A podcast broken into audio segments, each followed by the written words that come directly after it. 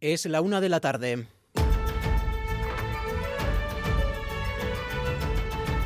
Crónica de Euskadi con Imanol Manterola. A Rachaldeón, dos datos para empezar esta crónica de Euskadi. El año pasado fallecieron 45 personas por accidente de tráfico en Euskadi.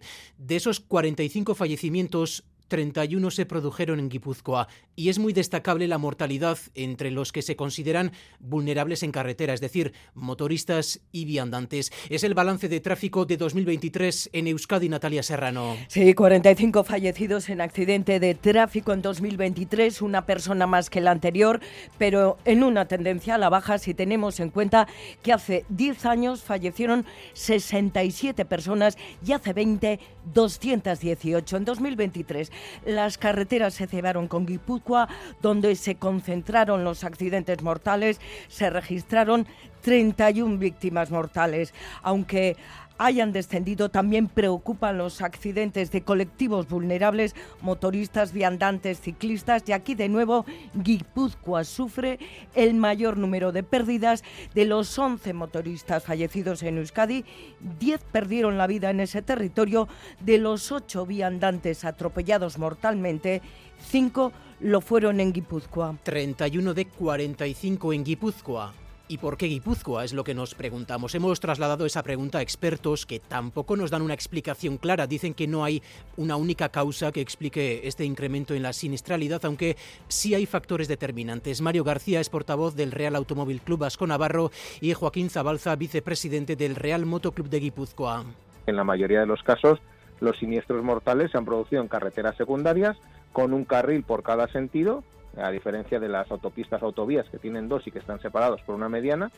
Y luego también hemos visto que hay una alta incidencia de motoristas. Porque cada caso es uno, eh, hay diferentes casos, pues uno le salió un coche, otro iba con una moto prestada. La mayor parte de los accidentes es que los vehículos no nos ven. En otros, pues exceso de confianza, pues a veces no sé, el mal estado de la carretera, gravilla. Pues este aumento de la siniestralidad entre los motoristas también es algo que se observa a nivel estatal, tanto que la DGT ha tomado cartas en el asunto y anuncia novedades en la normativa. Casco integral y guantes homologados obligatorios, lo ha anunciado el ministro del Interior. Vamos a imponer también el uso obligatorio del casco integral, casco integral o modular y los guantes homologados a los motoristas en carretera. Y vamos a seguir recomendando el airbag para los motoristas como una mejora significativa para su seguridad.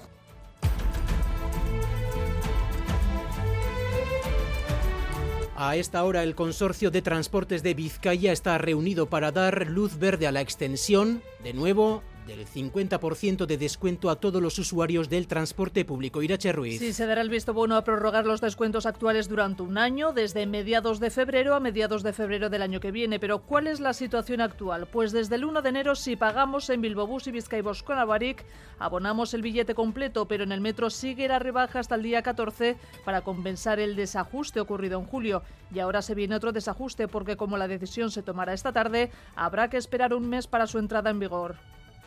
Guipúzcoa ha hecho lo propio esta mañana. Les contaremos en unos minutos cómo queda todo en cada territorio. Estos descuentos se aprobaron en su día para ayudar a la ciudadanía en un contexto de subida de precios, de una inflación que en ese momento estaba desbocada. Y lo vamos a mirar hoy con cierta perspectiva. Entre enero de 2021 y agosto de 2023, la leche ha subido un 50%, los huevos un 42%. Estamos hablando de alimentos básicos. Así lo ha constatado la Autoridad Vasca de la Competencia en un informe que ha publicado hoy, que constata además que este aumento responde a la subida de costes en la producción. No se puede hablar, aseguran, de especulación. Jayone Averasturi es técnica en la Autoridad Vasca de la Competencia que no ha habido una situación en Euskadi en cómo funcionan sus operadores económicas, en cómo han funcionado la producción, la distribución y la transformación que ha llevado a precios mayores o que haga pensar que se han incrementado los márgenes en algún momento por encima de lo que sería deseable.